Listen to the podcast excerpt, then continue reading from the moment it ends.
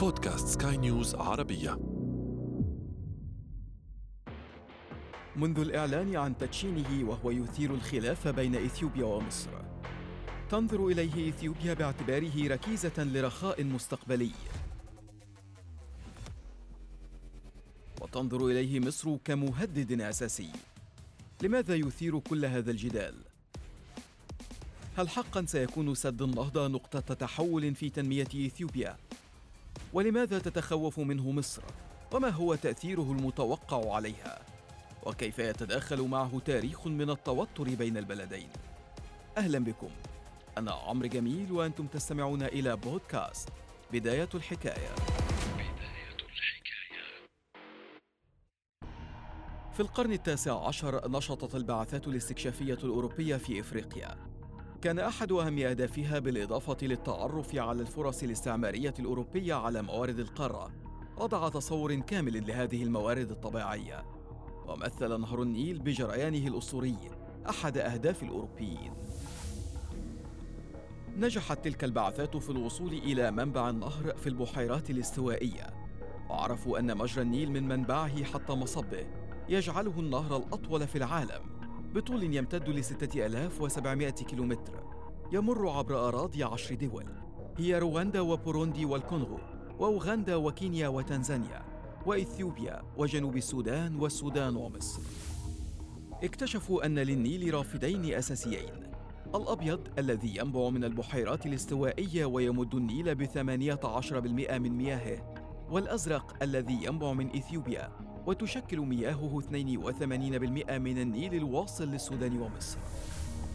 وعندما امتدت السيطرة الاستعمارية الأوروبية على الدول الإفريقية بدأ التفكير في تنظيم العلاقة بين الدول الواقعة على حوض نهر النيل.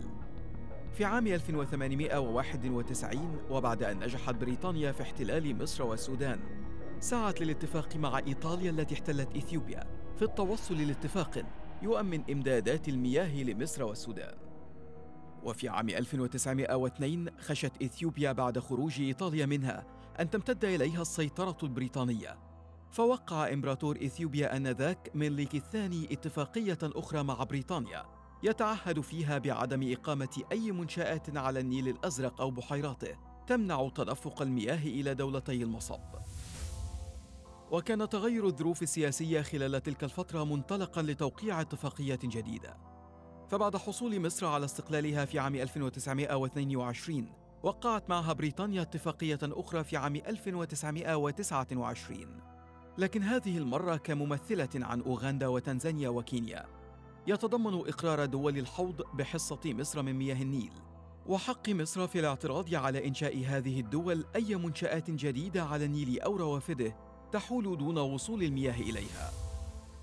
كما أدى استقلال السودان في عام 1956 إلى توقيعها اتفاقية جديدة مع مصر لتقسيم نسبة المياه لكل منهما بحيث تحصل مصر على 55.5 مليار متر مكعب سنوياً بينما يحصل السودان على 18.5 مليار متر مكعب بما يتوافق مع الموارد المائية لكل منهما. لكن كل الاتفاقات السابقة وبرغم أنها سعت لتنظيم العلاقة بين دول حوض النيل فقد اختلفت إليها النظرة بين دول المنبع ودولتي المصب. نظرت إليها دولة المصب السودان ومصر كمنظمة وضامنة لحقوقيهما، بينما نظرت إليها دول المنبع باعتبارها اتفاقات وقعت في عهود استعمارية لم تكن تحظى خلالها بحرية قرارها. سعت دول الحوض إلى التوصل إلى اتفاقات جديدة من خلال مبادرة تجمع الدول العشر تأخذ في الاعتبار رغبة دول المنبع في إنشاء مشروعات تنموية. وفي نفس الوقت المخاوف المصرية تحديدا من قلة نصيبها من النيل باعتباره مصدرها الوحيد تقريبا من المياه. لكن المشكلة الأكبر كانت تكمن في النيل الأزرق الذي ينبع من إثيوبيا باعتباره الرافد الأكبر لمياه النيل الواصلة للسودان ومصر. اعتبرت إثيوبيا أنها أجبرت على التوقيع على اتفاقيات لم تكن تحفظ حقوقها خلال العقود الاستعمارية. وأثار ذلك تخوفات لدى مصر التي تعتمد بنسبة تتجاوز 97% من احتياجاتها المائية على النيل من قيام إثيوبيا بأي مشروعات تؤثر على كمية المياه القادمة إليها. دفع ذلك بالرئيس المصري حسني مبارك للتوقيع على مذكرة تفاهم مع رئيس الوزراء الإثيوبي ميل الزناوي في عام 93 تنص على عدم قيام أي من الدولتين بأي نشاط يتعلق بمياه النيل من شأنه إلحاق الضرر بمصالح الدولة الأخرى. إلا أن النظرة الإثيوبية للنيل كمورد طبيعي خاص بها فقط كان قائما على الدوام. بعد الإطاحة بمبارك في فبراير 2011 أعلنت إثيوبيا في أبريل من العام نفسه تدشين سد الألفية الذي تحول اسمه فيما بعد لسد النهضة. سد كهرومائي ضخم يبلغ ارتفاعه 170 متراً يجعله أكبر سد للطاقة الكهرومائية في إفريقيا وأحد أكبر السدود في إنتاج الكهرباء في العالم. تصل تكلفته لنحو خمسة مليارات دولار.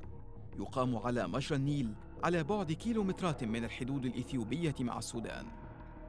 تقدر سعته التخزينية بأربعة وسبعين مليار متر مكعب من المياه وهي كمية مساوية تقريبا لنصيب مصر والسودان معا السنوية من المياه. يهدف السد لتوليد نحو ستة آلاف ميجاوات ما سيمنح إثيوبيا القدرة على مواجهة النقص الحاد في الطاقة وإطلاق مشروعات تنموية بالإضافة إلى بيع الكهرباء للدول المحيطة بها وبأسعار تنافسية. لكن إقامة سد بهذه الضخامة أثار تخوفات مصر وبشكل أقل السودان. كان إعلان إثيوبيا عن بناء السد يلغي أولا مذكرة تفاهم عام 1993 ولا يعترف بحق مصر في كمية المياه السنوية التي تصل إليها كما يسلبها حقها في الاعتراض على إقامة أي منشآت على مجرى النهر تؤدي إلى تضررها. استندت مصر إلى ما قالت إنه ليس فقط الاتفاقات التاريخية بين دول حوض النيل وإنما أيضا إلى اتفاقية هلسنكي المنظمة للأنهار العابرة للحدود التي تمنع دول المنبع من اتخاذ أي إجراءات تتسبب في ضرر بالغ للدول التي تعبر أو تصب بها تلك الأنهار. لكن إثيوبيا دافعت بأن السد لن يسبب ضررا بالغا على مصر أو السودان لتنطلق على مدار عشر سنوات تقريبا مفاوضات بين الدول الثلاث تناقش بناء السد وتأثيره على الدول الثلاث وخاصة السودان ومصر. مثل تصميم السد نقطة خلاف أولى بعدما رفضت إثيوبيا الإفصاح عن تفاصيله. لتدور دراسات تتحدث عن تأثير بيئي مدمر قد يحدث للمنطقة المقام عليها السد وتصدر تحذيرات أخرى من احتمالية انهياره. أشارت دراسة أجريت في جامعة كيوتو اليابانية إلى أن انتشار الفواصل والتشققات الكثيفة الموجودة في المنطقة المقام عليها السد وعدم وجود فتحات كافية عند القاع لتمرير المواد الرسوبية. قد يكون سببا في انهياره وأن هذا السيناريو لو تحقق سيعني غرق السودان ووصول المياه إلى القاهرة خلال ثلاثة أيام.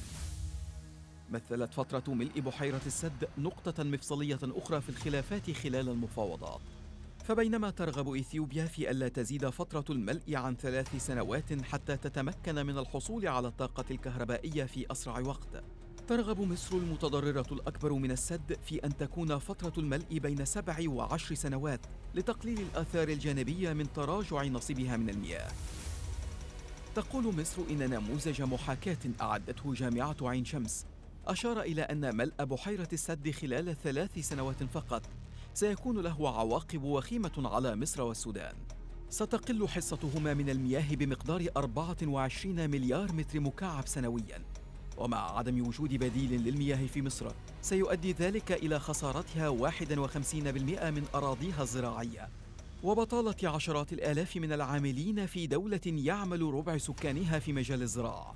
وزيادة معدل تراكم الأملاح في الدلتا وتدهور جودة المياه وتلوثها.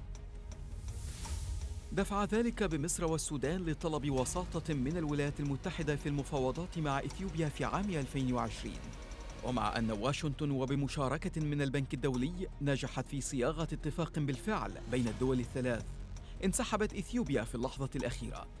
معلنة أنها لن تطلب إذنا في القيام بحقها في التعامل مع ما قالت إنه مواردها الطبيعية دفع ذلك لمزيد من الخلاف بين الدول الثلاث. خلاف لا يمثل مجرد نظرة الدول المعنية لسد يقام على مجرى مائي وإنما يتعداها لملكية المياه وتعاون الدول المتشاطئة حول الأنهار في استخدامها. خلاف لو تفاقم أكثر قد يؤدي لسوابق خطيرة ويفتح المجال أمام حروب المياه في العالم أجمع.